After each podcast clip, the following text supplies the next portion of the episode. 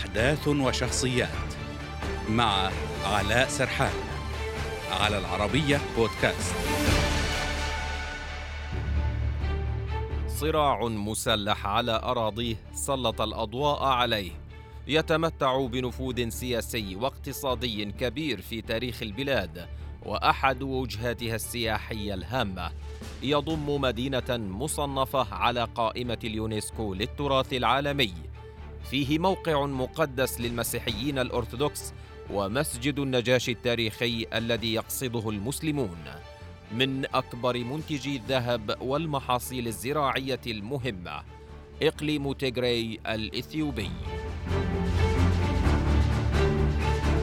تيغراي هو أحد الولايات الإدارية العشر التي تتألف منها إثيوبيا المقسمة وفق نظام فيدرالي اثني هيمن الإقليم عبر جبهة تحرير شعب تيغراي على الهيئات السياسية والأمنية في إثيوبيا بين عام 1991 حين أسقطت ديكتاتورية الحكومة العسكرية المؤقتة لإثيوبيا الاشتراكية وحتى وصول رئيس الوزراء أبي أحمد إلى السلطة عام 2018 اعتبارا من ذلك العام تم إبعاد قادة الجبهة تدريجيا من مناصب المسؤولية في العاصمة الإثيوبية فانتقلوا إلى المعارضة ما حد من نفوذهم السياسي وانكفأت بهم الأقدار إلى تجري حيث أعادوا ترميم شرعية شعبية وأعلنوا التحدي.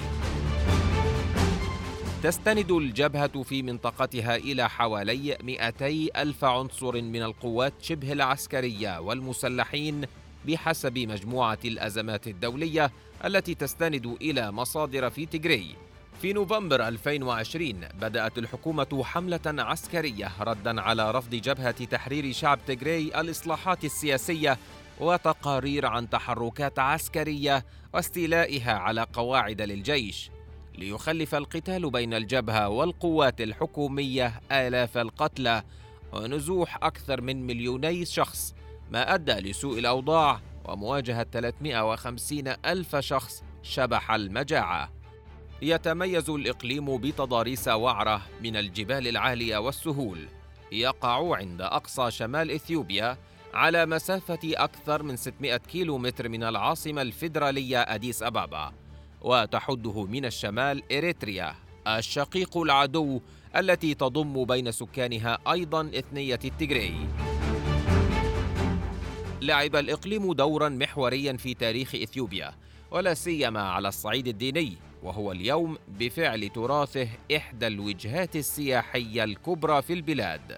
كما يضم مدينة أكسوم المصنفة على قائمة اليونسكو للتراث العالمي والتي كانت مركزا للحضارة الإثيوبية ومقرا لمملكة أكسوم بين القرن الأول والقرن التاسع ومهد الكنيسة الأرثوذكسية للغالبية المسيحية في إثيوبيا.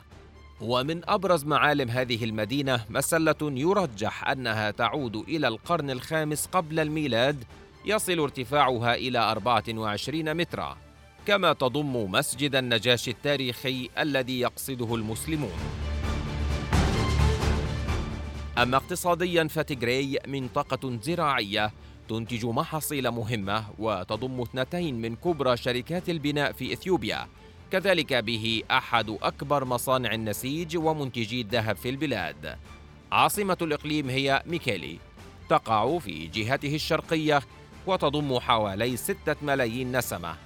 أي أقل تقريبا من 6% من مجموع الإثيوبيين البالغ عددهم 122 مليون نسمة وهم ثالث أكبر مجموعة عرقية في البلاد بعد الأرومو والأمهرة.